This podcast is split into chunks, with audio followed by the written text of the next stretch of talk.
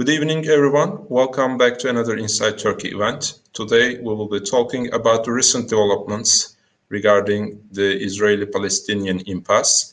We have three distinguished speakers. Before we start our panel, let me introduce you our speakers. Uh, today, we will first listen to Berdal Aral. Professor Berdal Aral completed his PhD on Turkey and international society from a critical legal perspective in 1994 at the University of Glasgow. His main areas of interest, both in his scholarship and teaching, include international law and human rights. He has written four books in Turkish, namely The Right of Self Defense Under International Law, Collective Rights as Third Generation Human Rights, From Global Security to Global Hegemony, the, the UN System and the Muslim World, and lastly, Perpetual Betrayal the Palestinian problem and international law under imperialism's shadow. Professor uh, Aral has also published numerous articles both in English and Turkish on the topics mentioned above, as well as on international organizations, the search for integration in the Muslim world, and Turkish foreign policy.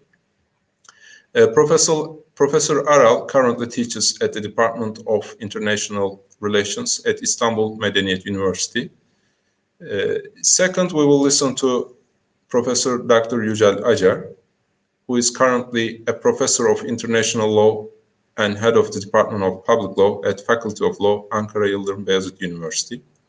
He received his undergraduate degree in international relations from Ankara University, Faculty of Political Sciences. And he received his master's in international law from Sheffield University and he finished his doctoral uh, degree in international law uh, at the University of Bristol in the UK. His areas of expertise are international maritime law, international law of armed conflicts, and international human rights law. He published many academic articles in qualified academic journals. He is also the author of the books entitled The Asian Maritime Disputes and International Law, the crime of aggression in, in, in international law, asylum strategy of Turkey from the global and regional perspectives, and co-author is the co-author of basic textbook of international law. Lastly, we will listen to Dr. Khalid El Awaisi, who graduated from the pioneering field of Islamic Jerusalem studies. He received his PhD from the University of Aberdeen and his MSc also from the University of uh. Abertay, sorry. His main expertise is in the historical geography of Beitul Maqdis and geographical interpretations of the Quran. He published a groundbreaking monograph called Mapping Islamic Jerusalem and Discovery, uh, a discovery of geographical boundaries, in which he was able to uncover the geographical extents around Islamic Jerusalem and other religious spiritual entities. Uh, his he taught at uh, many Turkish and British universities and was appointed as the director of the uh, research center, uh, Islamic Jerusalem Research Center. He has also supervised and studied a number of PhD and postgraduate students in the fields of early Islam, Islamic Jerusalem studies, and contemporary thought in modern Middle East in England and Turkey. He still works as an assistant professor in the Department of Islamic History at Ankara Social Sciences University and teach he teaches master's programs on Beitul Maqdis and Quds studies. And please let me tell you about our format today. Today we will have four rounds of questions. In each round, I will ask a question to one of our speakers. Then I will move on to uh, our next speaker and ask his question. And at the end of the uh, rounds of questions, we will have a general Q&A section in which we will receive questions from our viewers and these will be directed to our speakers. So please join me in welcoming Professor Berdal Aral. Berdal Hocam, welcome and thanks for accepting our invite. Can you hear me? Yes, I can hear you. Okay. Uh, Professor Aral, we have been paying extra attention to this issue. Uh, but personally, I've been struggling with naming the issue itself. So, in my opinion, there's a great problem in terms of uh, pinpointing what the real problem is and how it is represented to be. So, I'd like to ask you a question regarding the gist of the problem. In your opinion, what is the gist, gist of the problem that has befallen on Palestinians? In other ways, how should we approach the issue and how should we name it? Okay, thank you. Uh, the you know common uh, perception uh, in the international media about the Palestinian problem uh, and uh, the Palestinian struggle for uh, self-determination is generally portrayed as an Israeli-Palestinian conflict. this, I think, appellation is a problem that distorts the truth about the Palestinian issue. Palestinian problem is actually a problem of settler colonialism uh, by Zionists uh, occupying and colonizing the uh, the land of Palestine uh, uh, gradually and replacing and uprooting the, the indigenous population, uh, which had been living there for, for, for hundreds of years, and replacing them with, with, with, with Jews from outside who have no connection, who have had no connection with the land. So this is a case of colonial settler uh, aggression against the indigenous people. Uh, the matter is not simply confined to occupied territory in 1967, actually the whole issue is about uh, the whole of mandatory Palestine. Uh, so therefore, uh, to portray the problem simply as a conflict between two, uh, you know, actors, Palestinians and Israelis, is actually a misnomer.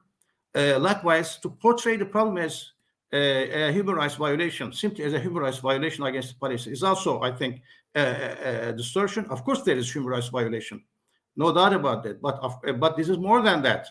Uh, or seeing the matter simply as a minority problem is also something that, uh, in a way, distorts the truth.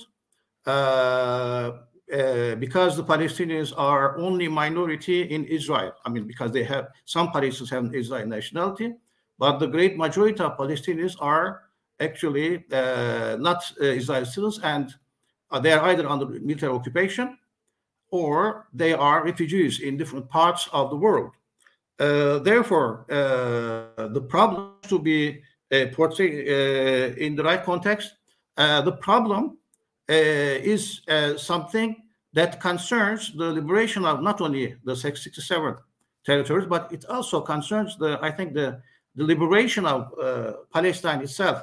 Uh, in this sense, uh, problem is really a very, very crucial problem uh, and it's a great problem. It's a historical problem. The problem did not begin in 1967. The problem began immediately after the demise of the Ottoman Empire, its disintegration and uh, the replacement of Ottomans in the area by uh, colonial states, uh, which are uh, the British Empire and the French empires, French state. Uh, so they actually gradually dominated the area, establishing mandate systems. in the case of Palestine, it was the, the, the British that established uh, the state of uh, uh, the mandate mandatory system in, in Palestine, and gradually the Jews were brought in under the purview of the, the British colonial system, colonial regime.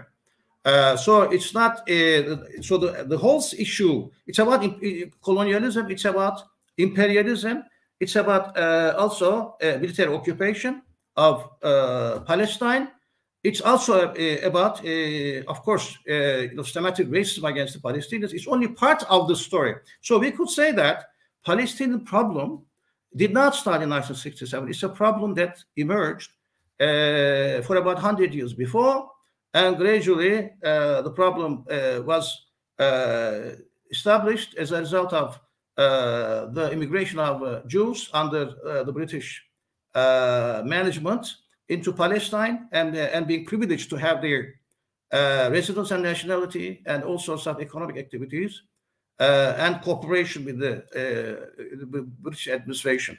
So, therefore, the issue has to be looked at from a historical perspective without do, dealing with the historical context, the history of uh, Jewish immigration uh, as part of colonization, the history of the mandatory system, and United Nations General Assembly Resolution 1947, uh, which partitioned uh, the area unjustly and against, I think, many norms of international law uh, into uh, two, two, distinct areas between Jews and Arabs, and giving the right largest part to the Jews uh, itself is something that has to be, I think, looked at. So the whole issue is very complex. It's very uh, deep-rooted. Uh, it's you cannot differentiate issue from the, the case of colonialism. And the, the, the, the awful thing about it is that uh, at a, a, precise time when colonialism was uh, being uh, thrown into dustbin of history, the Palestinian problem began to uh, show its, it, itself, it became a problem of colonialism. we don't have any colonized territory today except for the Palestinian territory. It's a colonized territory.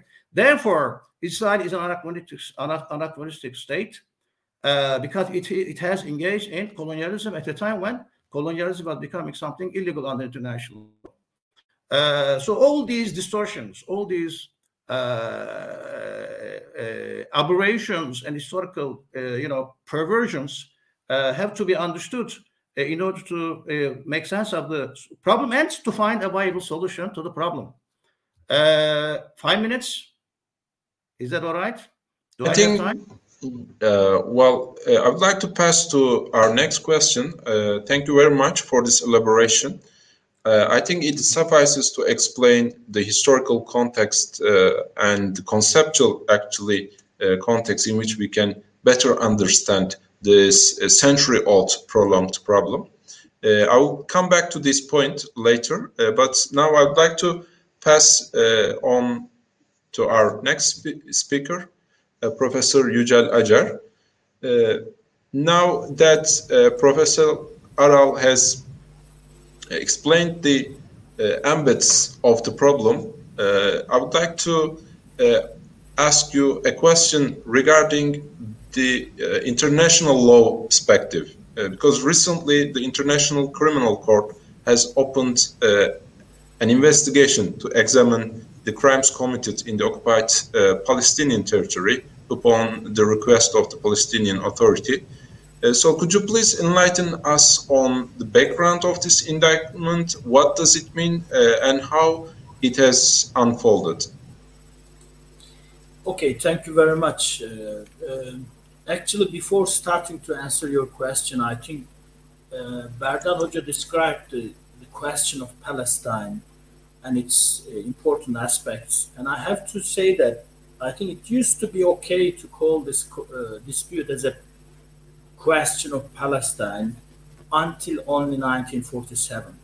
You know, until 1947, it was about uh, the future status of the former Ottoman Palestinian territories. But after 1947, when the British mandate ended, like it became a question of Israel rather than a question of Palestine because after that day, it has been all about the status of Israel as a as a state, and then about its conduct uh, in the Palestinian territories.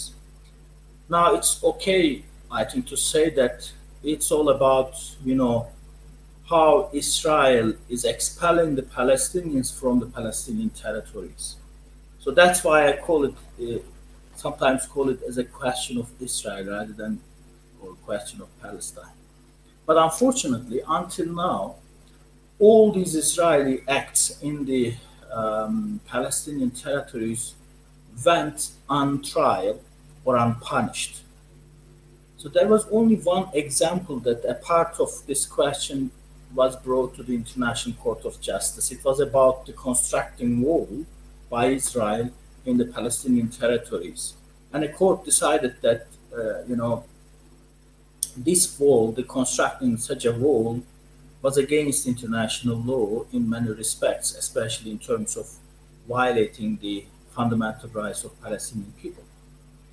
But I think in the in the whole history, it's the first time that all the crimes uh, which are now committed in the territory of Palestine is before an international criminal court.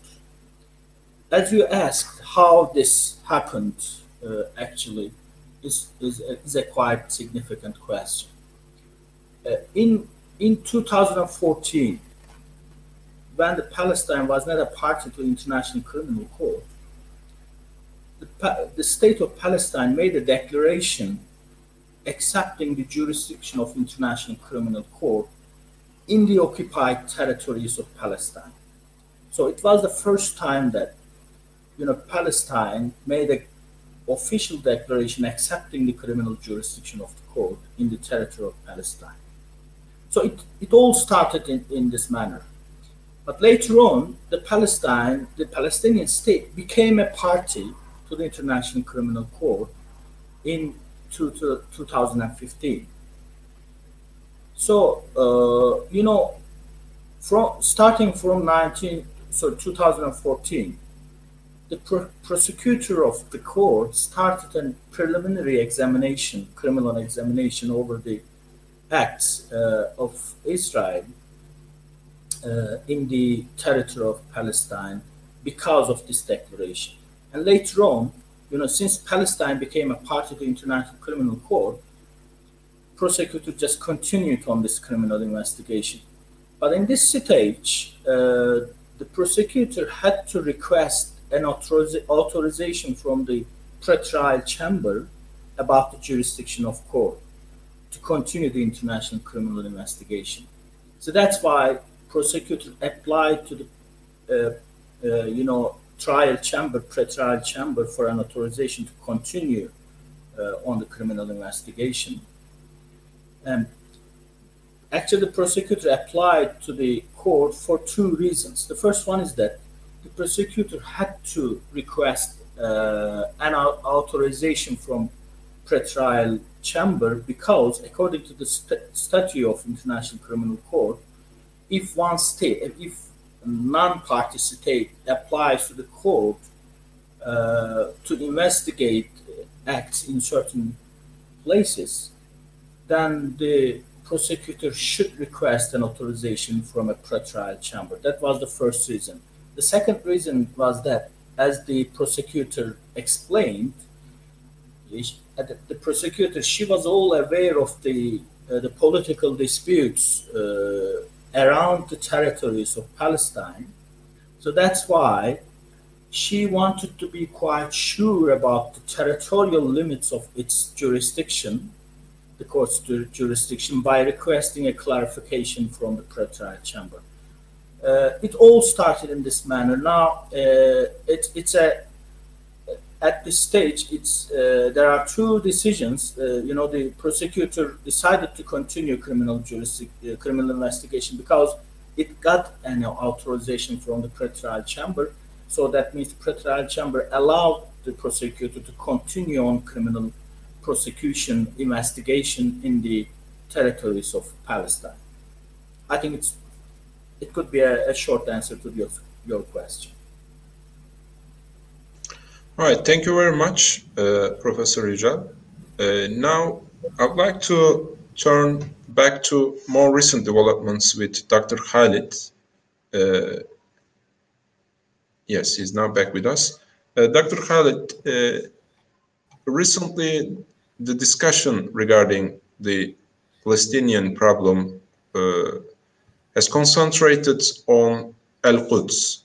I mean, after the unilateral, uh, unilateral steps taken by Israel and the Trump's uh, effort to accept uh, Al Quds as the capital of Israel, there's been uh, a lot of reaction from the Muslim world and pro Palestinian groups.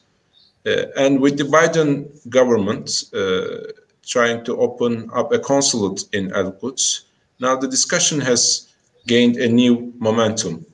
Uh, before getting deeper into this uh, topic, I'd like to ask you a very simple question, which will be helpful in understanding the whole context. So, what is the significance of Al Quds uh, within the context of Palestinian uh, resistance against the Israeli occupation and oppression. And what's your take on this issue?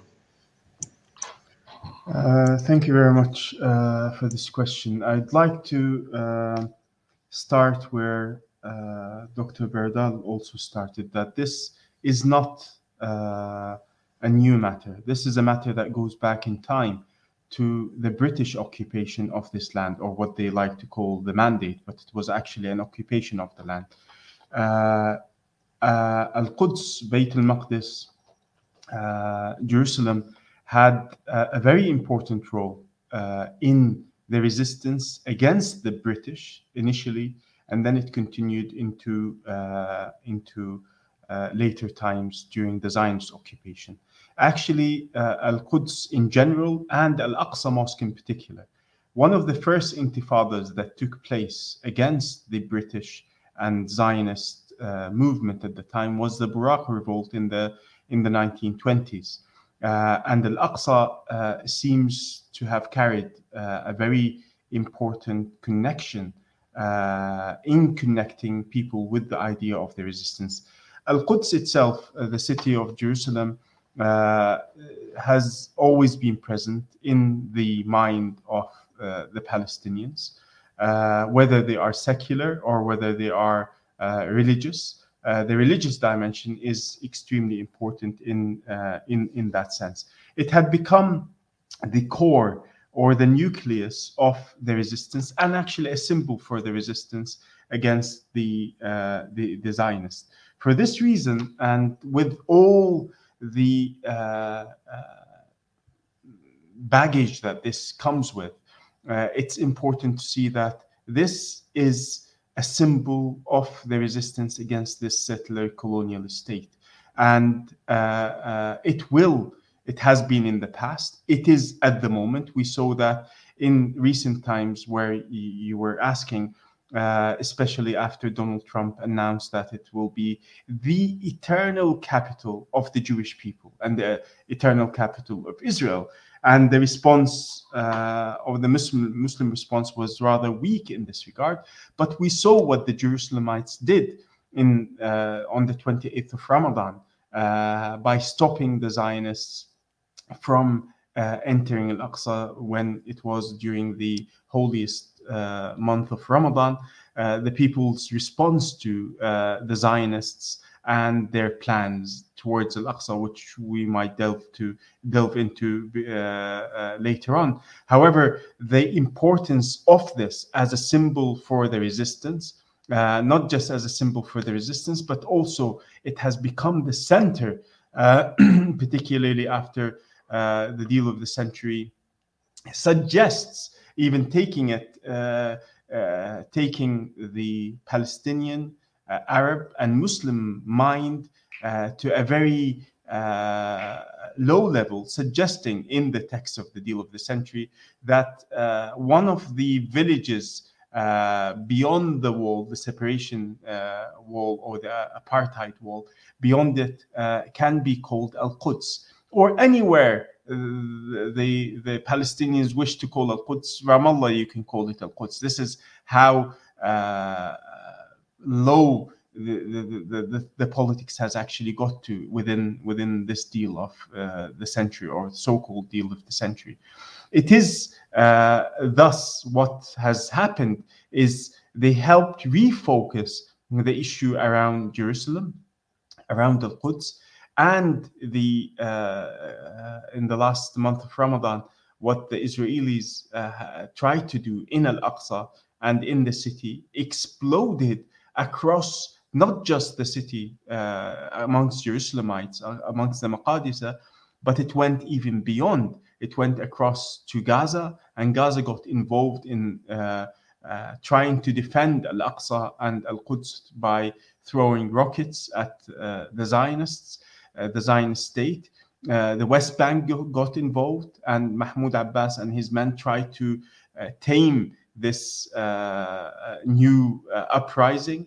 Uh, people within uh, the state of Israel, uh, within the 1948, the Palestinians also rose up. And what we saw happen in, in a mixed city, or what they call the mixed city, like Al-Lud, and across the whole of the, the, the, the, the inside uh, of Palestine, uh, what is known as the State of Israel, what we saw happen there uh, actually in the last month of Ramadan.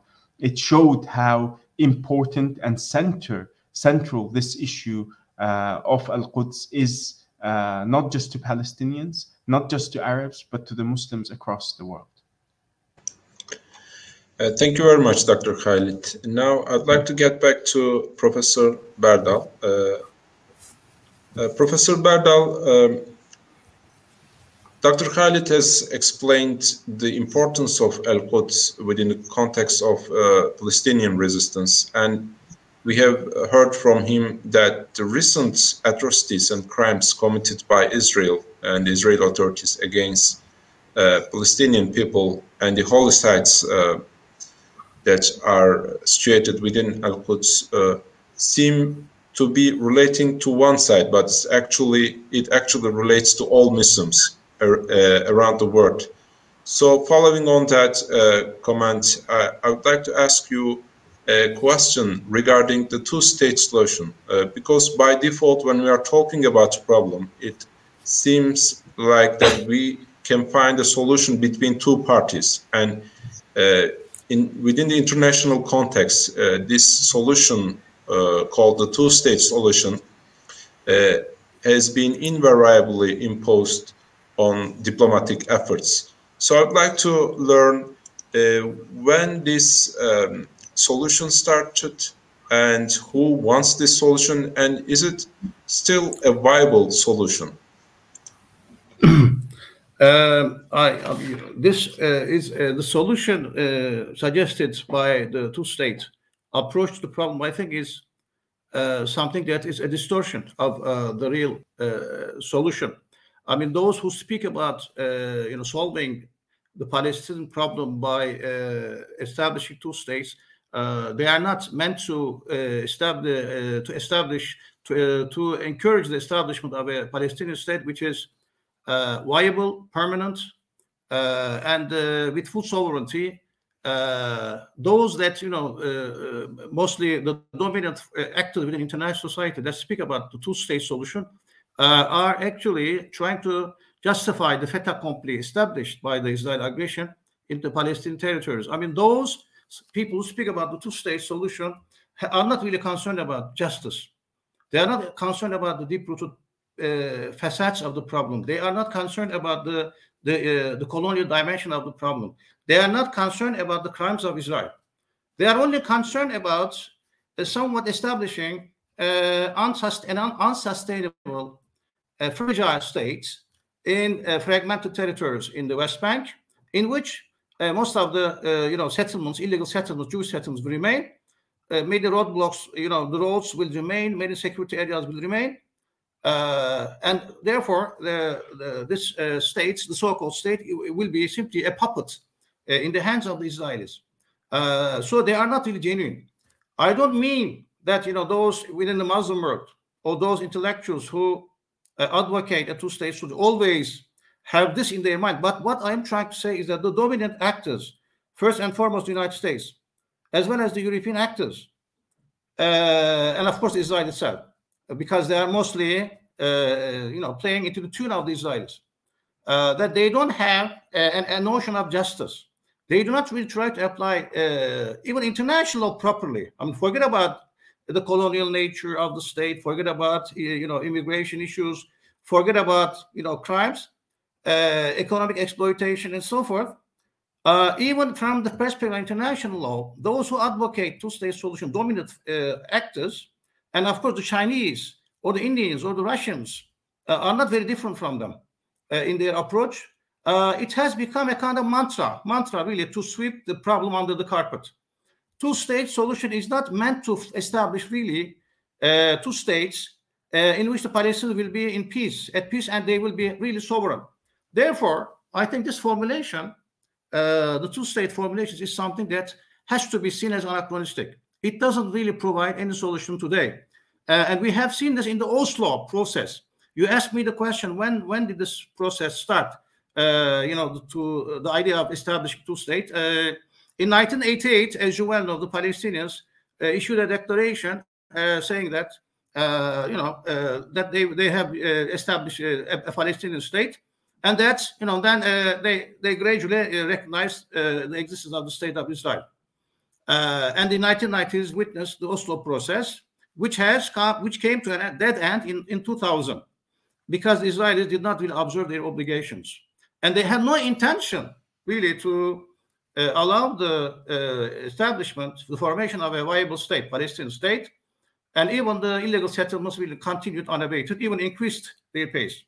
So therefore, those who int- intentionally, though insistent to speak about the two-state solution, are, uh, I think, uh, seeking for a palliative solution that really uh, uh, legalizes all the illegal gains made by the Israelis, all the territorial expansions, all those pol- criminal policies, uh, and you know the the so-called security wall, the, the wall of shame, as well as its you know aggression against the Palestinians, its colonialism, its racism uh, its expansionism, its human rights violations. I mean, uh, they never talk about, for instance, these people who advocate the two-state solution. They don't really talk about, uh, you know, sending the Israeli officials into international courts, for instance. They do not really talk about the, the return of refugees. There are roughly 7 million Palestinian refugees. What will happen to them? Uh, the case of the, the, the fact that Israel is, a, is, an apartheid state at the same time.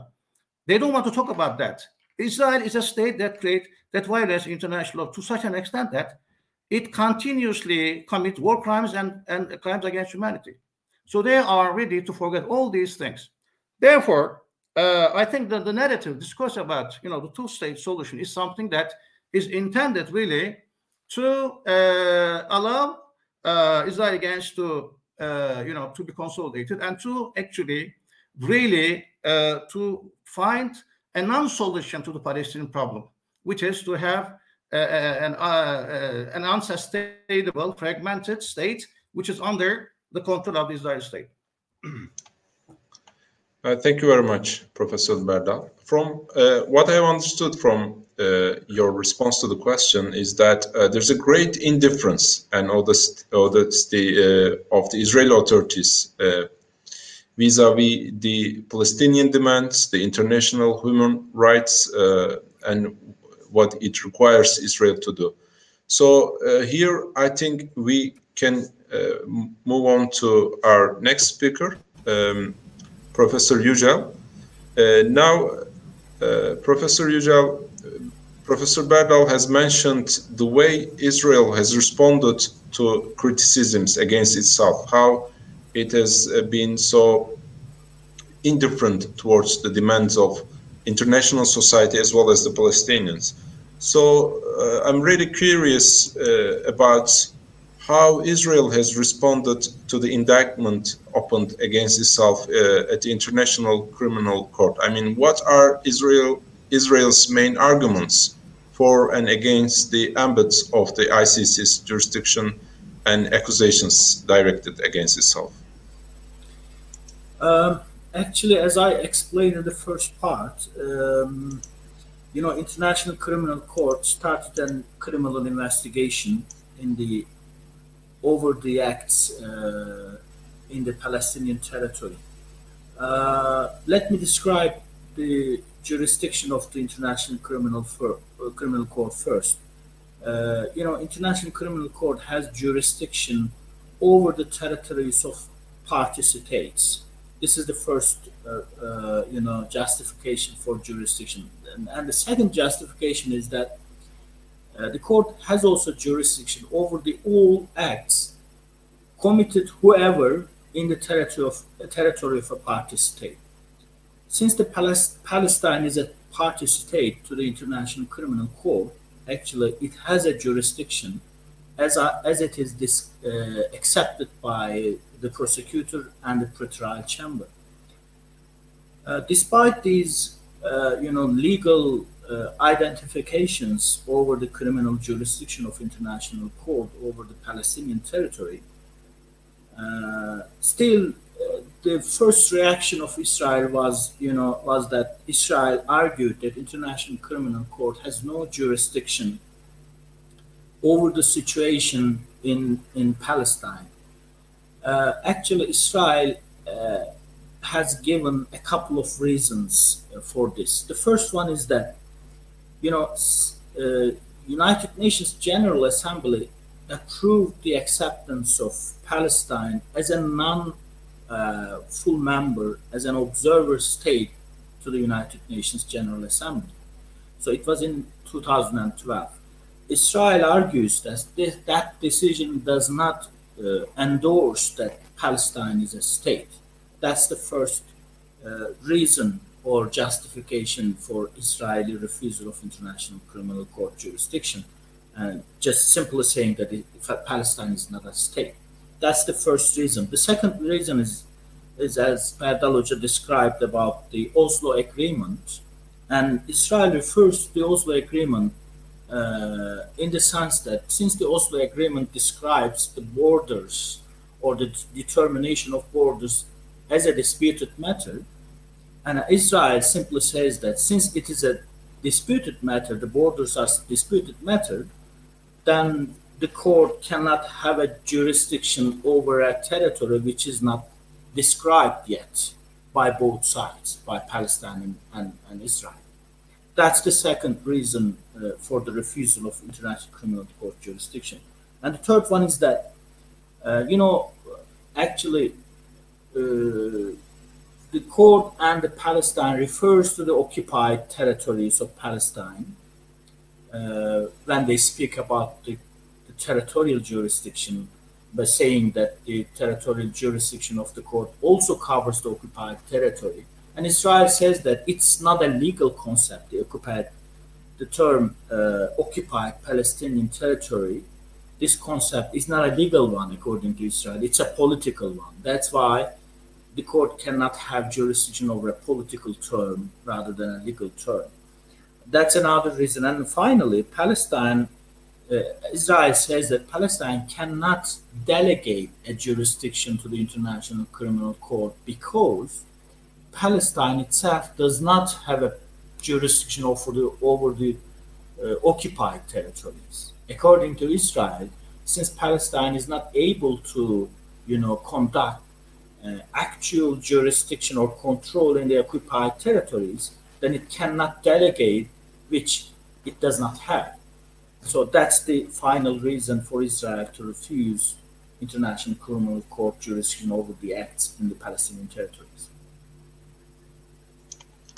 Thank you very much, Professor Yücel. Now, speaking of the International Criminal Court's uh, decision uh, regarding the atrocities uh, perpetrated by Israel, uh, we can go back to Al Quds and discuss its uh, special place uh, when it's when it comes to the status quo that has been established in Al Quds. Uh, and we have seen uh, throughout the recent attacks on several holy places in Al Quds, we have seen that Israel has not really been respecting this status quo in Al Quds. So I would like to ask you uh, a question regarding this point. Why Israel and its ardent supporter, the United States, want to change the status quo over Al Aqsa Mosque? Uh, what is its significance when we take the issue within the context of international law? Okay, uh, thank you very much. What's important here is that um, since uh, 1967 and the occupation of Eastern Jerusalem by the Zionist state, uh, Israel has been trying to change the status quo in not just Al Aqsa Mosque, but across uh, many parts, or particularly holy sites within uh, within the city. The idea of the status quo actually was developed during the uh, Ottoman period uh, in order to keep the peace between the different Christian groups. And talking about the status quo, keeping the situation as it is, Israel has not really kept the status quo and has been changing gradually the status quo over Al Aqsa Mosque. The first day Israel entered Al Aqsa Mosque, Israel raised the Israeli flag over Al Aqsa. Uh, the uh, chief rabbi of the Israeli army suggested blowing up the Dome of the Rock and Al Aqsa Mosque and completely destroying it because this will be one in a, a million chance of destroying Al-Aqsa in the heat of the war.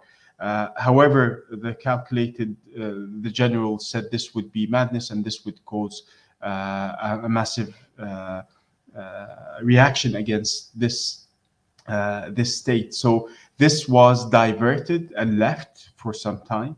however, the first day they occupied the city, uh, they took part of Al Aqsa Mosque, and now from 1967 till this day, uh, Al Buraq wall, the western wall of Al Aqsa, is in the hands of the Zionists. Not only that, the whole Maghariba quarter, right in front of Al Aqsa Mosque, uh, the, in, the, in the western side, was completely destroyed with all its houses, with all its madrasas, with all its buildings completely destroyed and turned into what they call the Western Wall Plaza uh, or the Wailing Wall uh, Plaza uh, over uh, the uh, Maghariba, North African neighborhood.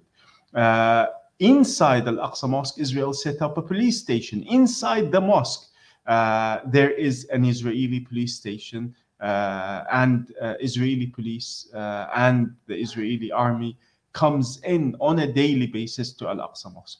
They also took the gates, the keys to the gates, the gate of the Maghariba, uh, the Maghariba uh, gate, the key of it is in the hands of the Israelis, and that's where the tourists and the uh, Jewish uh, fanatics enter from. Uh, so you can see that there has been a gradual change. What we have reached today is the idea of a radical change to the status quo that is in Al Aqsa Mosque. And this is uh, gathered in particularly uh, three points that they would like to uh, reach. Uh, the first is uh, to get rid of the Jordanian administration, the Jordanian administration inside uh, the, the Awqaf, which controls Al Aqsa Mosque from the inside. It's not allowed to, even from the inside, Israel uh, does not allow any renovation without getting Israel's uh, position in this uh, issue. So the idea is to change it into uh, um, to transfer this to Israeli sovereignty fully and to get rid of the Jordanian custodianship over it. Uh, to end the ban on non-Muslim prayer, particularly Jewish prayer inside the mosque, and to start allowing Jews to pray within the mosque. And this we have seen recently happening in even the Israeli court talking about allowing silent prayer within within the mosque. And uh, uh, the uh, third is uh, for Israel to divide the mosque. Currently, the mosque is divided by time. The morning from seven o'clock until the, the Dhuhr prayer, uh, Jews uh, enter the site and now they are starting to commence their prayers. The next part is to divide the mosque in terms of space where uh, they will be allowed to do this. So now looking at this within, uh, you asked about international uh, law. Actually, in during the British occupation, there was the Buraq revolt, and uh, uh, the British sent an, uh, a, team to investigate what had happened, and the report was accepted by the League of Nations that Al Buraq Wall is not a Jewish site. Al Buraq Wall is solely a Muslim site, and the plaza in front of it, the, the, the pathway in front of it, and the whole neighborhood is an Islamic waqf. Uh, so within within that context, this uh, the wall of Al Aqsa Mosque and everything in front of it is an Islamic waqf and it was taken blatantly by Israel in 1967. Now, coming to Al Aqsa Mosque, Israel has no right within the area of Al Aqsa Mosque. This has been a mosque, uh, not just uh, from the time we can talk about it from an archaeological, architectural, even before uh, the uh, arrival of uh, Umar ibn Khattab. This was a mosque according to Islam, a place of worship right from the beginning of humanity as a second mosque built on earth uh, from a religious point of view. Coming to the, the main part of your question, why Israel and its uh, the United States are pushing to change the status quo. Actually, in 1967, what we see is that uh, Jewish Zionism and Christian Zionism would like to change the situation on the ground inside Al Aqsa Mosque. What they would like to see is that Al Aqsa uh, over the site of Al Aqsa, a Jewish temple is built. And uh, uh, Christian Zionists, particularly in the United States, after the occupation in 1967, talked about a prophecy that within a few years, uh, the uh, Al Aqsa will be destroyed and the Jewish temple will be built. Uh, and in 1969, we saw that a Christian Zionist came inside Al Aqsa Mosque with the help of Jewish Zionists and tried to burn Al Aqsa Mosque and to destroy it. from there, what we saw with the uh, deal of the century, and particularly Donald Trump and evangelical Christians, and uh, uh within with this final point, I'll try to uh, wrap up uh, this point. What they're trying to do is to push this based on the idea that in order for Jesus Christ to return, this is from a Christian Zionist perspective in order for Jesus Christ to return, a temple, a Jewish temple, needs to be built on the site of Al Aqsa Mosque. So there is very strong inference uh, from this direction. For Jewish, uh, uh, for Jewish Zionists, actually they are waiting for this to happen through a miracle from God. This is the uh, even the rabbis, the chief rabbinate of Israel say it is forbidden for Jews to enter Al Aqsa Mosque until the temple is built. But we have reformist Jews who are saying, we are the ones that will build the temple. And they are pushing this within the Israeli Knesset. They are pushing it uh, to have this division within, uh, within this uh, place in forcing the hand of God for Armageddon and the coming of Christ. So there is lots of religious baggage behind both Jewish and Christian thought on this. And this is why both Israel and the United States are pushing this uh, forward. Uh, thank you very much, Dr. Khalid. Uh, it makes uh, perfect sense. I mean, in the uh, sense that uh, the attacks, the Israeli attacks on Al Quds and Masjid al Aqsa in particular, are not one of those ordinary attacks on Palestinians. these are attempted at certain aims that have historic and even mythological connections to do with uh, Zionism and Zionist, uh, Zionist projects. Uh, but I would like to uh, talk about uh, uh, talk a little bit about the tension, the feelings that have been provoked by the attacks of Israel on Al Quds. So I'd like to get back to Professor Aral and ask him a question regarding the Muslim feelings about the Palestinian issue. Uh, Dr. Khalid has just mentioned why Israel and its ardent supporter, uh, United States, uh, have been trying to change the status quo in uh, Al Quds. Uh, but I'm very curious uh, about your take on the issue of the Muslim feelings regarding the Palestinian problem. I mean, how do Muslim societies feel about Palestine? And how uh, should the Muslim world, in your opinion, handle this problem? Is there a unified uh, or a, a strategic, uh, an institutional strategy that you can uh, observe among Muslim nations, or uh, has Israel been left on its own uh, vis-a-vis -vis the attacks from Israel?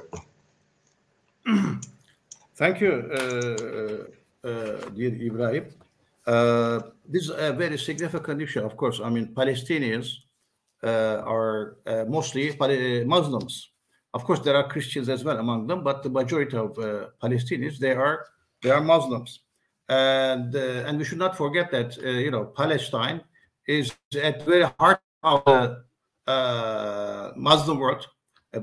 first, within the Arab world, in within the you know West Asia or Middle East, it is at the heart of the geographical area but it's also at the heart of the Muslim world as well. When you look at the you know at the map, uh, that really uh, indicates uh, the continuous uh, geographical uh, location of Muslim uh, societies, within which at the core you could find that there is among the territories Palestine. Therefore, there is no way in which, of course, the Muslims could remain indifferent to the problem. By Muslims, I mean, of course, the people. I don't refer to uh, at this moment uh, to the governments. Of course, uh, we expect Muslim states, Muslim governments to to really to care about the, plight of the Palestinians. But at the moment, the degree of interest it seems to be quite minimal, unfortunately. so, uh, apart from uh, also the geographical location, we should not forget that the, that you know Qudus, Al Quds is, uh, is is a holy place for Muslims, as uh, Dr. Huwais has mentioned, uh, you know, Masjid Aqsa is there. It was the first uh, Qibla of the Muslims, and there are lots of crucial sites in the area for Muslims, uh, you know, uh, mosques and other, and, you know, cemeteries and so forth. So uh, the area is also crucial for Muslims. Uh, apart from that, uh, the former, you know, uh, sovereign of the area was the Ottoman Empire, and before the Ottoman Empire, the area was governed by other Islamic states. So there is this, you know, unbreakable chain of, you know, continuous Muslim rule in the area. Uh, and the people are indigenous to the area. The people are indigenous to the area, as opposed to the Jews who are not uh, indigenous to the area. They are they have been implanted to the area by uh, by the colonial uh, occupiers as well as uh, after uh, this establishment of this Zion, this Zionist, the Zionist state. so this is these are issues that we have to bear in mind. And I think we should also mention the fact that colonial experience is, some, is not something unique to the Palestinians, unfortunately. Before the colonial uh, age ended, I mean, most of the uh, Muslim territories had been colonized by uh, the same kind of uh, colonial forces that really created the problem. Either the French colonialism, the British colonialism, uh, Dutch colonialism, and other forms of colonialism. So there is this commonality of historical uh, victimhood uh, as far as Muslims are concerned. This is not simply a matter for the Palestinians.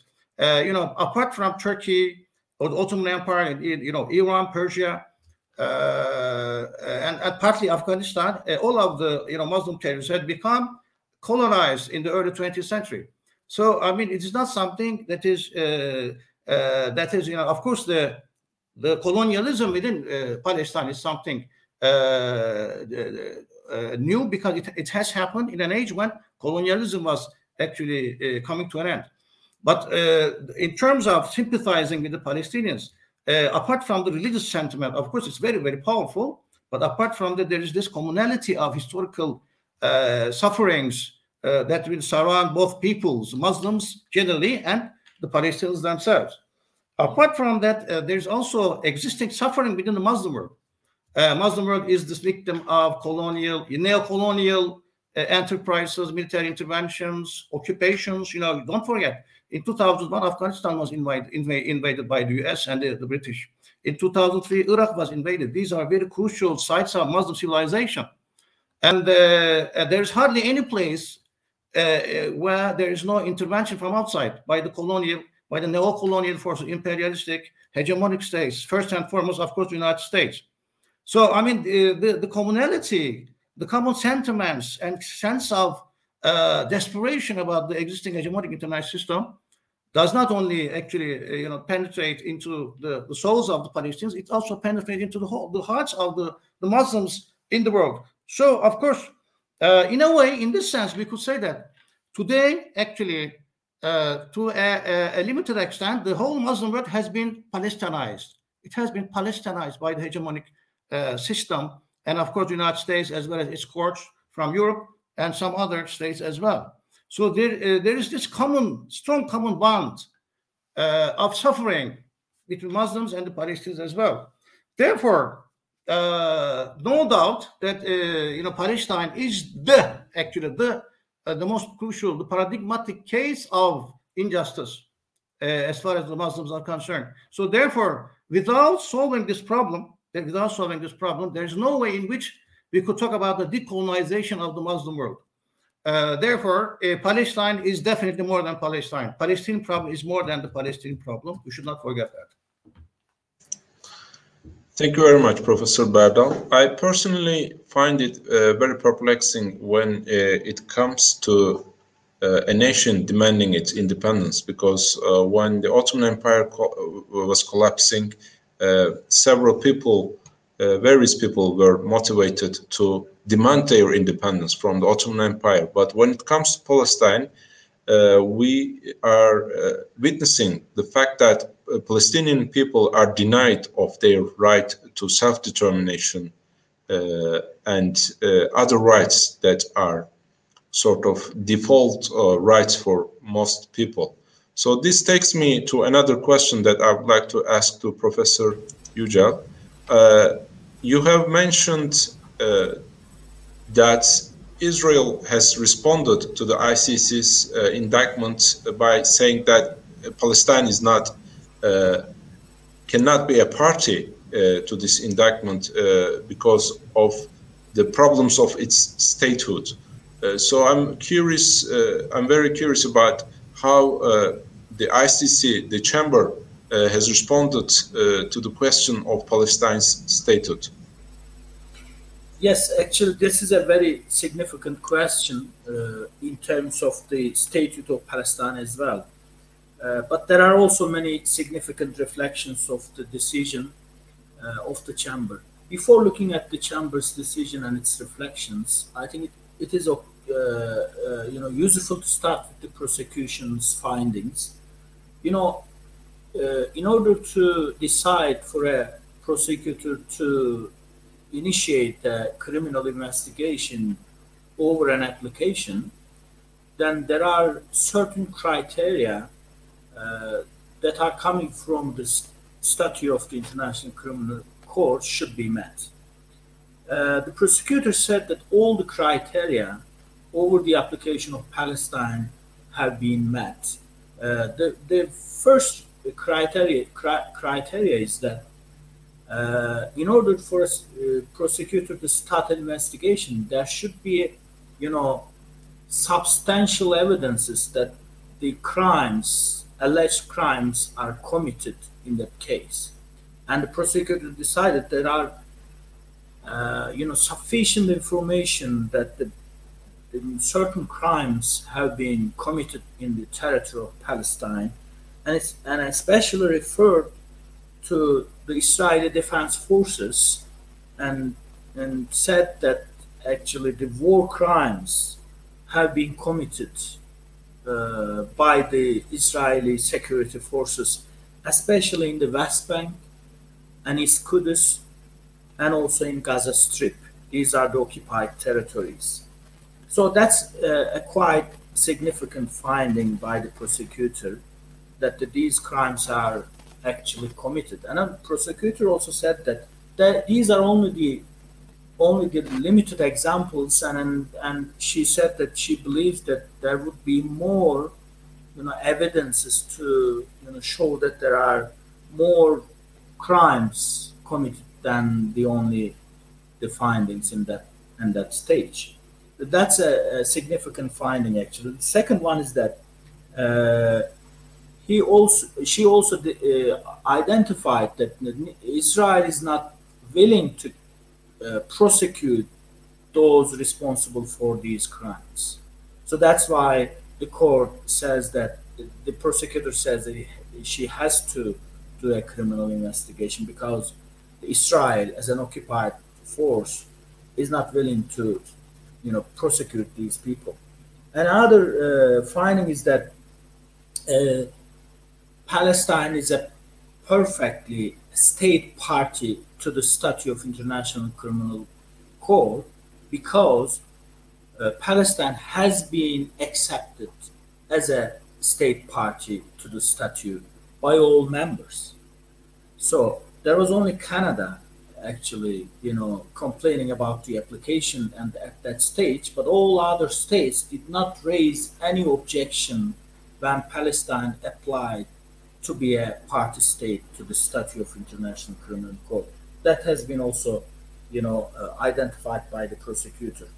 Um, and over over these findings, the chamber actually uh, did more on on this uh, on this question of application. And firstly, the chamber requested uh, you know submissions from Palestine, from Israel, from all other related states, also from international organizations, and also from uh, you know a chamber representing the victims as well. So there have been enormous information coming to the chamber over these uh, this matter of jurisdiction of the court in the Palestinian territory. And uh, actually, the chamber simply, first of all, decided that it has no jurisdiction to discuss the st- status of Palestine as a state. That's a different matter, which is out of the chamber's jurisdiction. But he, the chamber concluded that uh, Palestine is a state party to the ICC uh, statute because it, it, has been accepted as such. And also, the chamber referred to many decisions taken by international organizations, including the United Nations, International Court of Justice, and and all some other uh, you know international organizations, referring to the self right to self determination determination of the people of Palestine, and the chamber take has taken these decisions, referring to the self uh, determination right of the Palestinian people as enough evidence that you know although the territorial uh, boundaries have not been uh, certainly decided uh, still palestine has a jurisdiction has an authority over these territories because it has a right to self self-determination. It all covers all the palestinian territory. That's why the court said that palestine is a perfect state in terms of being a party to the International Criminal Court statute, and also the boundaries of Palestine are perfectly uh, eligible for a jurisdiction because it, it has a right to self-defense over that. And also, uh, let me add this point as well. Uh, the chamber also, uh, you know, commented over the Oslo Accords, which you know describes the, the, the boundaries as a dispute. And the court said that the chamber said that uh, this does not prevent uh, Palestine from becoming a party state to international organizations or international agreements. So, uh, whenever Palestine becomes a party to the international organization, including the International Court of Justice, that means it has a it has a jurisdiction to accept the authority of these international organizations, including the international courts. That's why the chamber did not, you know, regard Oslo agreements as something preventing the, the jurisdiction of International Criminal Court. Thank you very much, Professor Yücel. Well, it looks like the ICC's decisions will uh, continue to give goosebumps to Israel, and it will raise a lot of dust uh, in the close future, and we will be following this matter uh, closely. And uh, let me get back to Professor uh, Berdal. Um, and now we're going to, uh, I'm sorry, I skipped um, Professor, apologies. apologies, Dr. Khalid. Uh, Not a problem at all. Uh, I, was, I, always love to listen to Professor. Uh, because my question is related to his previous comments. So, following on Berdal Aral, I'd like to ask you uh, a third question regarding the Muslim feelings and uh, thoughts about the Palestinian issue. Uh, now that many Arab states are uh, in good cooperation with uh, the United States and even with Israel recently, the Gulf countries I'm talking about, uh, Muslim people, especially people who do not share the same race with Palestinians, are uh, surprised when they see that some Arab states uh, support the Trump plan uh, on uh, Al Quds. So, uh, what's your take on this issue? Why do some uh, Arab states support the Trump's plan on Al Quds? Okay, let me be very frank on this issue. Actually, um, most of the Arab states are not sovereign fully sovereign states. Uh, Professor Berdal talked about uh, colonialism. Before the colonialists left uh, uh, the Muslim region, West Asia and North Africa, they left people who will serve, like Israel is serving Western interests. They left in these countries that they created. Most of these countries were created by uh, the British and the French and these countries never existed. A country like Jordan, uh, with its borders being drawn with a ruler, uh, and identities were being created, uh, and puppets were placed in these states to rule and to give them a sense of uh, nationhood uh, and uh, nationality by lines being drawn in the sand. what is interesting is that relationship between the Zionists and these Arab uh, I don't know what to call them, regimes, uh, is not a new thing. Uh, most of this used to happen under the table. And uh, with time going on, we see that uh, there has been very strong relations under the table uh, happening for, for many decades. What has changed with Donald Trump, and I think he exposed all these uh, rulers, uh, he made it very clear. And that was probably the, the, the first time uh, uh, the American policy hasn't really changed on this issue.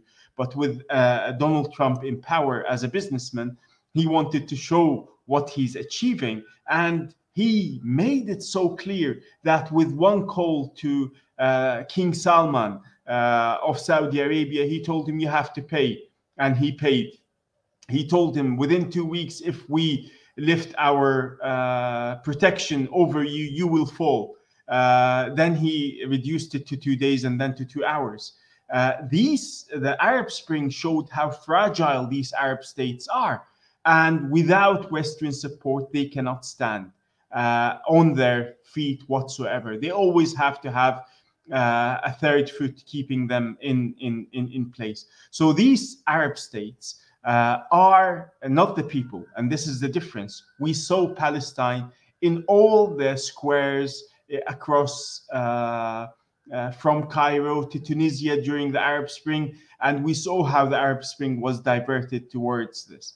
Now we come to a stage where uh, Israel is actually in, uh, under threat, and this is based on future studies uh, of uh, Israeli academics that Israel does not have the same bond that it had in 1948. What gathered the Jews in 1948 around this idea of a Jewish state no longer exists today. So, this uh, uh, threat, in order to uh, uh looking at lessons from history and looking at other things, uh, normalization, open normalization with these states is needed.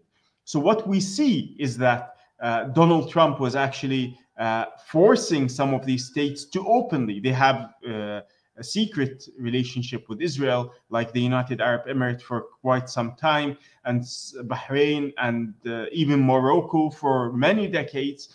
What Donald Trump succeeded and his son in law, Jared Kushner, succeeded in doing is taking this secret relationship to the public, uh, coming out uh, uh, to the public and letting them know that actually uh, we need to have good relationship with uh, Israel and making Israel a normal state. The the uh, we saw this with Morocco, telling them about the Western Sahara. If you do this, then we will do this for you. We will recognize your sovereignty over the Western Sahara. Morocco came in and accepted Sudan. We will take your name off the terrorist list, and they, ca- came in with uh, the Gulf states, it's a different scenario. Mohammed bin Salman wants uh, uh, to be recognized. Uh, he had the soft coup against uh, his uh, within within the palace, and he wants Western recognition. And the shortest cut to get Western support is through supporting its outpost in the region, which is the state of Israel. So these uh, Arab countries or Arab states are not actually um, are not actually doing it out of uh, uh, out of what their people want. They're actually doing it to stay in their seats that they are uh, sitting over, and without Western support, they will not be able to uh, stay where they are. These uh, fabricated states that have been created uh, by uh, Western colonialism uh, will not be able to survive without Western support they don't have even their own people's support. They've tried for many centuries, for many decades, to try to create a sense of uh, nationhood, uh, a sense of identity. Uh, but what we are seeing, the future second wave of an Arab Spring would actually change this. And to, to finally put this uh, where uh, the other uh, speakers have uh, mentioned, this is not a Palestinian issue. This is not an Arab issue. This is not even a Muslim issue. This is a, an issue for humanity. Anyone with a decent heart, seeing what Israel is doing, cannot accept. What adds to this dimension, this is extremely important for Muslims. This is their first Qibla. It's number one, and it's the second mosque on earth, and it's one of three mosques uh, holy to Muslims. So it's not something that the Muslims will sign over uh, to, to, to, even if all the Muslim leaders sign it over to Donald Trump, the people will not accept this. This is part of their creed, part of their aqidah. They will shall never give this up.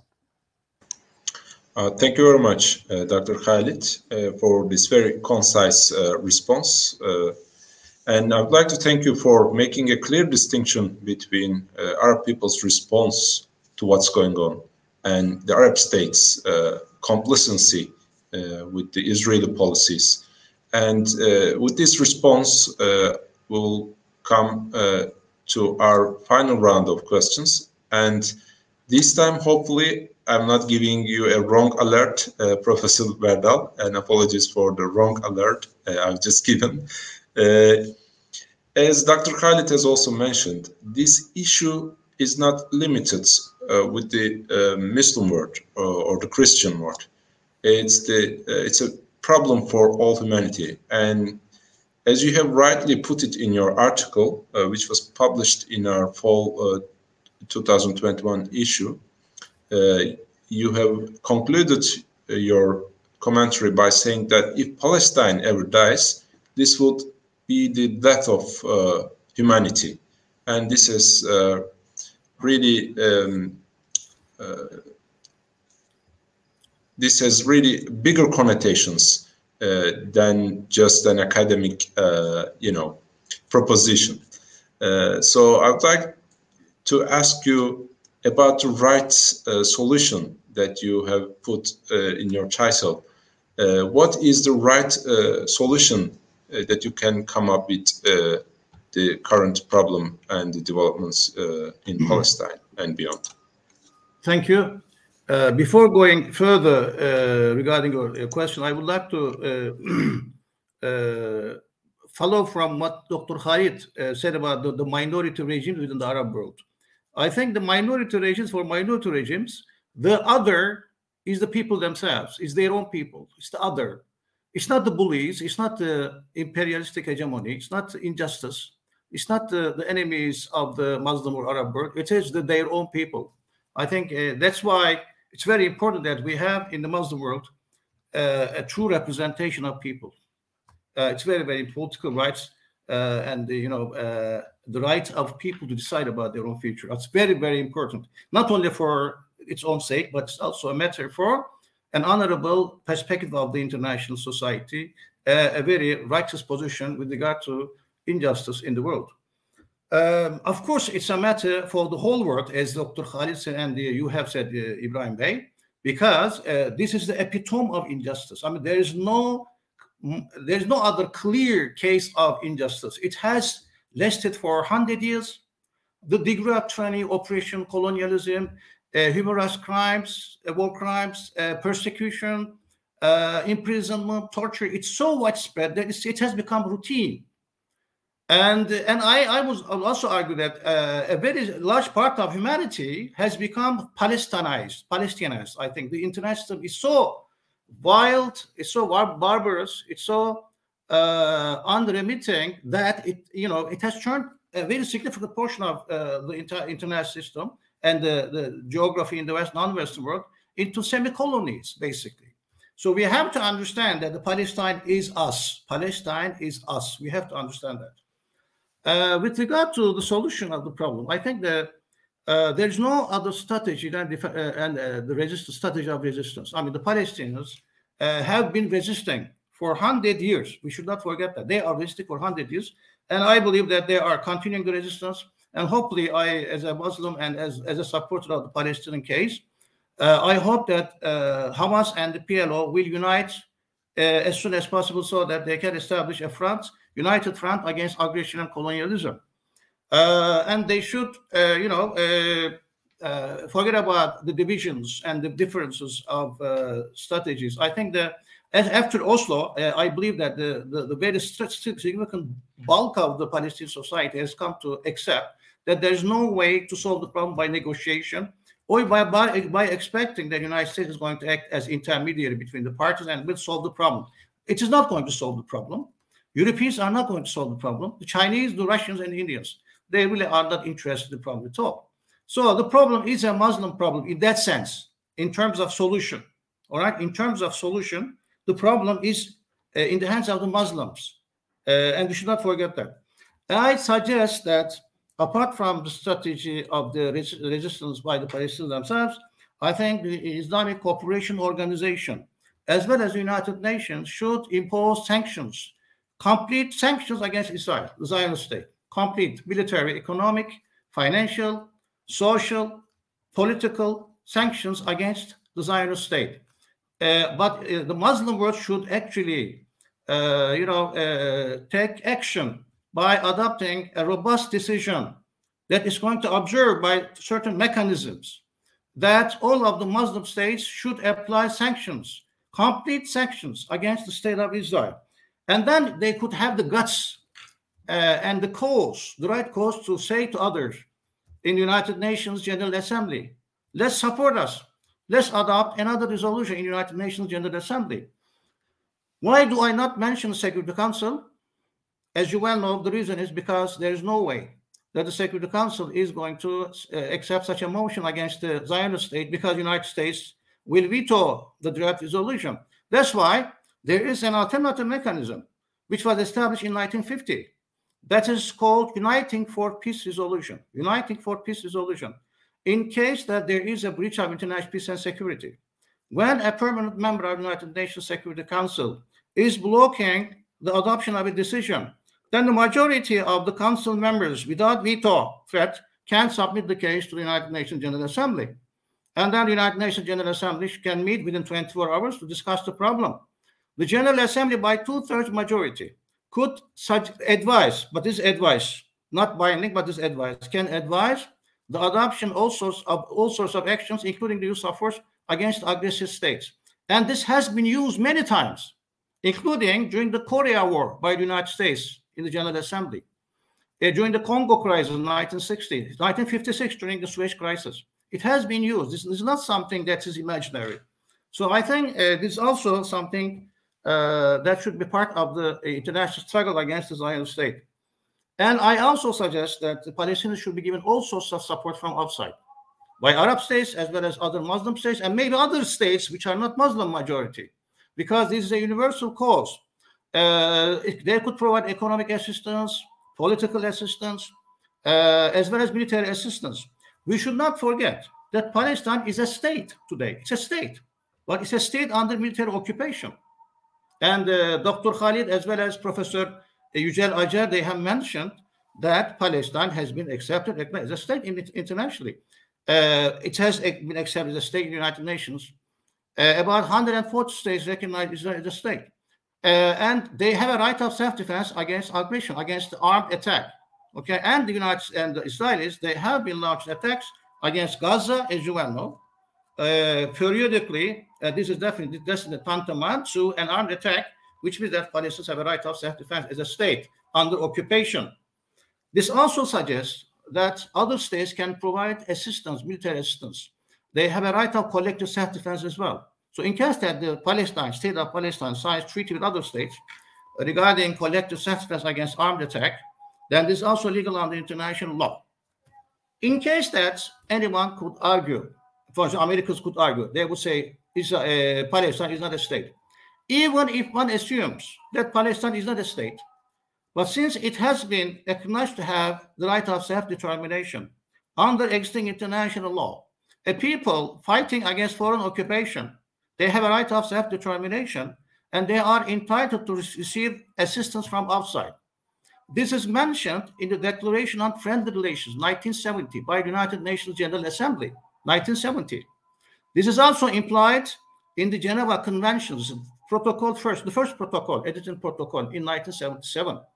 Uh, so they have the right to receive assistance from outside in their struggle against uh, military occupation. So, uh, of course, I do not suggest in any way that uh, the, the, solution only lies in, in international law. Of course, international law could be utilized effectively against uh, the, the, the, Zionist state, of course. Uh, but we should also understand that struggle should also be pursued through other means uh, by actually launching a, really a campaign.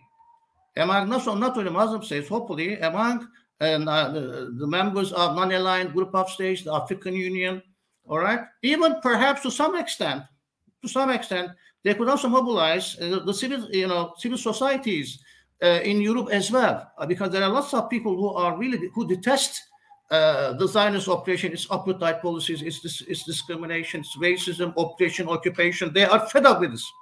Something has to has to be done, and I think uh, uh, this strategy is a, a, you know manifold strategy which tries to employ all sorts of avenues for an effective solution. Thank you. Professor Berdal Aral, uh, thank you for unfolding this uh, right strategy in your own words. Uh, and I find it very realistic and motivating in the sense that uh, it invites all Muslim countries to stand together uh, and act together and also it directs criticism against the international system regarding its liturgy when it comes to Palestine.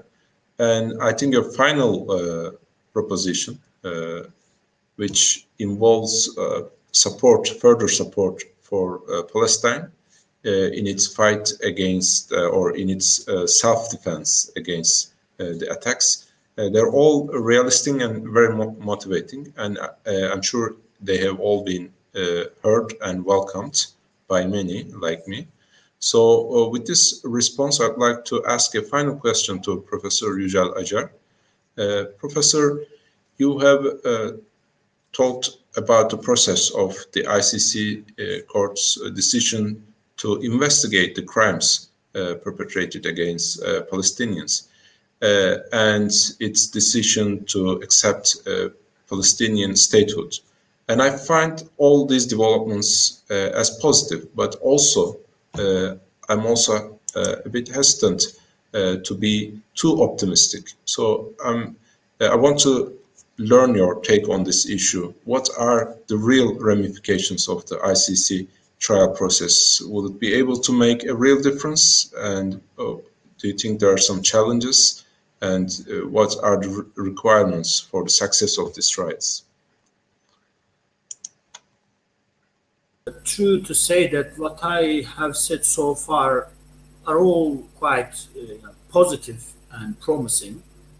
Uh, first of all, we are we have come to a point that justice can be delivered to the victims of uh, crimes committed by Israel, especially in the occupied territories. That's the first, uh, you know, reflection, quite positive reflection. The second one is that the, about the state of Palestine although prosecutor and chamber did not really address the issue of the status of Palestine as a state, both of them said that, you know, Palestine went through all the necessary procedures to become a state party to the ICC statute. Uh, you know, there were no object, almost no objections from the party states uh, arguing that Palestine was not a state, so it, it could not become a party to the ICC statute that's another significant uh, you know point another significant point is that you know the chamber and the prosecutor identified specifically certain crimes in the especially in the occupied territories since 2014 that year actually was the start of the jurisdiction even since 2014 they identified certain crimes like war crimes and crimes uh, of certain nature committed by Israeli armed forces and authorities. That's another significant identification. But still, uh, you know, it's quite too early to say that we should be so positive about the future developments. That's because it all requires the support from international community to conduct a proper trials first of all because the court is not able to you know try people in, a, in absentia So that means all the accused people should be brought before the court. That's the first point. The second point is that all the alleged crimes are committed in the territory of Palestine, especially in the occupied territories. How the court would be able to conduct investigations, criminal investigations in the place uh, where Israeli forces are actually acting at the moment.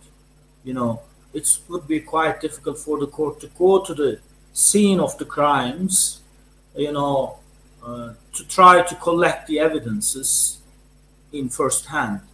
That would be quite difficult because all these territories, especially West Bank, East Kudus, and the you know other occupied parts, you know, all are under the control of Israel at the moment. That's another point. Another significant uh, uh, issue is that even if court decides uh, and uh, find some you know officials as criminals or accused uh, and conducted uh, convicted people then how it's going to apply uh, the sanctions to these people you know these another another problem.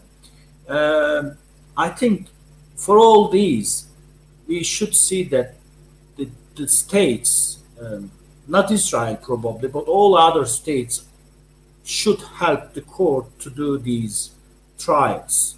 And it's going to be a success. Otherwise, if there is no you know, proper and necessary support from international community, then the trials would continue, but unfortunately, it would stay in the stage of like you know criminal investigation rather than a trials. If the people's considering that most of them are going to be like uh, officials of Israel and military and civil officials of Israel, then it would be quite difficult to continue trials. Last point is that, you know, the court, the, the, the prosecutor and chamber talks not only about the Israeli acts, it also talks about the acts of Hamas and some other armed groups. I unfortunately, I am a bit uh, you know, uh, like um, uneasy about the fact that it could become like, you know, the trials of the members of Hamas and other armed Palestinian groups rather than the Israeli officials, because it would be quite difficult to bro- bring these Israeli officials before the court. Well, this is interesting. Uh, I mean, despite the challenges, I still find the idea uh, of Israel being, uh, you know, tried in a international court very uh, promising, to be honest. Uh, but uh, I also acknowledge the challenges the problems uh, that you have just mentioned. I think the whole international community and states in particular should take more courageous steps steps to support the international court uh, so that it can further its uh, investigation into Israel. And uh, with this, I would like to advise our readers to read uh, Professor Yücel Acar's article that was published in our fall issue of 2021. it will give you a more thorough perspective of the you know international law uh, aspect of the situation. So thank you very much, Professor Yücel. Now uh, I will ask my final question to Dr. Khalid. Uh, Dr. Khalid, when we talk about uh, the developments uh, in Palestine and in Israel, there's always a missing link, uh, which is the Israeli society. Uh, and it's a very, you know, a close society. We don't hear much about uh, the Israeli society. We don't know much about how the Israeli society feels about um, the Zionist policies, for example. So in your article that was published in our 2020 summer issue, there's a section uh, on the changes in Israeli society over, uh, over Al-Aqsa. Uh, so could you please uh, elaborate on this issue? How do Israeli people feel about Israel's policies uh, regarding uh, Al-Quds and Masjid Al-Aqsa in particular? Um, thank you. it's an important question and Israeli society is divided over many issues. But one thing that they are united around is the idea of this uh, Jewish temple. which is uh, quite sad. I was in. Um, uh, many people try to sometimes put uh, some hope that Israeli society actually will wake up and stand against the aggression that its state is doing. And what we see actually, uh, whenever there is an election before the uh, last election, there is always an aggression against Lebanon or against Gaza or aggression. This uh, changes the tides in, in, in terms of uniting uh, uh, the Israelis around a common enemy.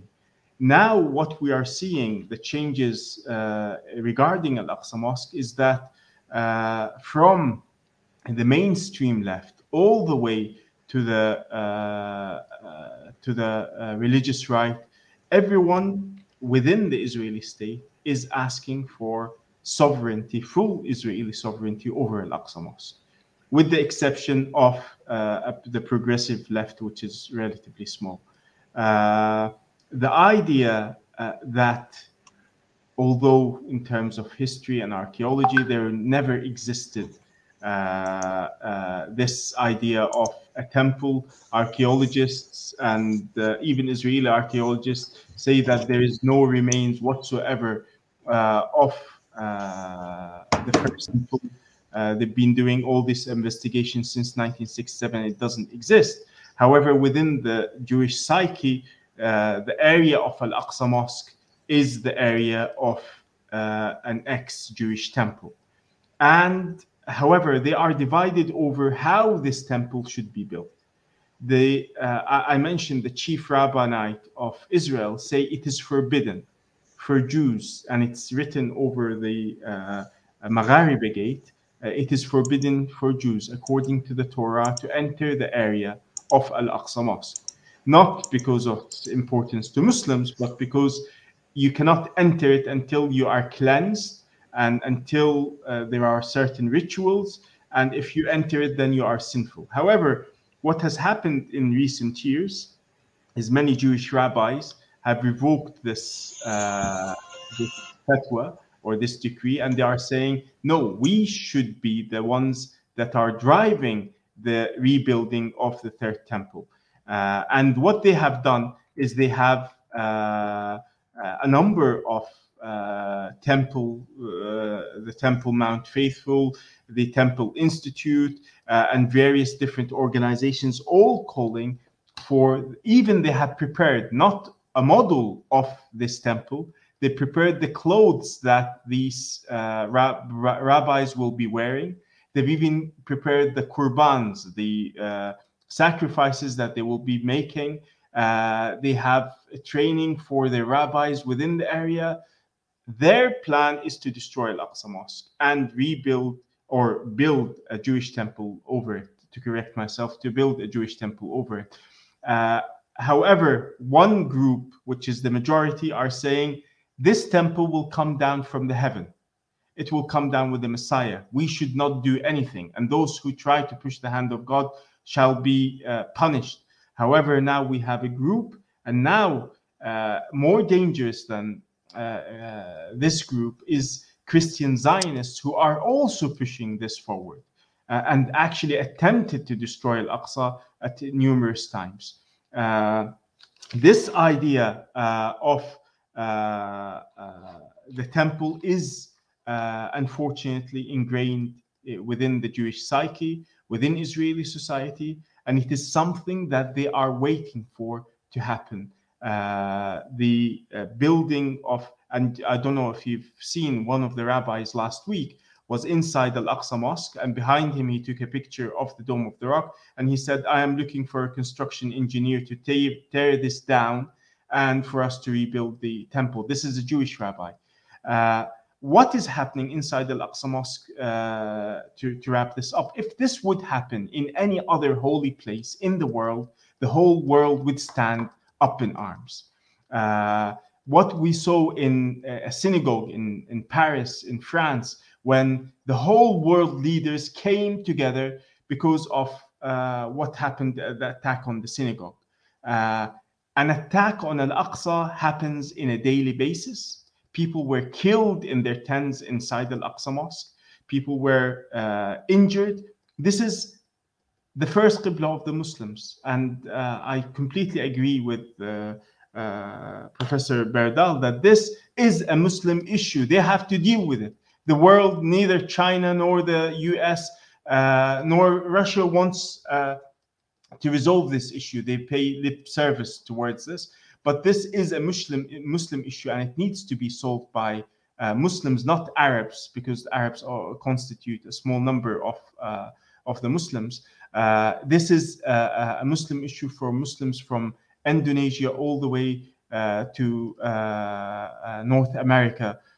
this is an issue that needs to be resolved, and we need to find a solution for this problem before we lose Al Aqsa Mosque and then it will be too late. This is something I really fear that we wake up and Israel has succeeded in the destruction of Al Aqsa Mosque, and then uh, uh, demonstrations, uh, nor uh, uh, voices and crying will do us anything if we have, uh, unfortunately, seeing this scenario that unfortunately Israel is working towards. All right. Thank you very much, Dr. Khalid. Uh, now that we have exceeded our time limit, the time limit allocated for our panel has exceeded. So I will close the panel here uh, with the permission of our speakers, of course, if they have nothing else to add up. Uh, I would like to thank them for their insights into the issue and also their elabor elaboration uh, on the papers they have contributed, uh, with which they have contributed to our previous issues. Uh, and uh, as a personal remark, I know that this is a very small drop in the ocean.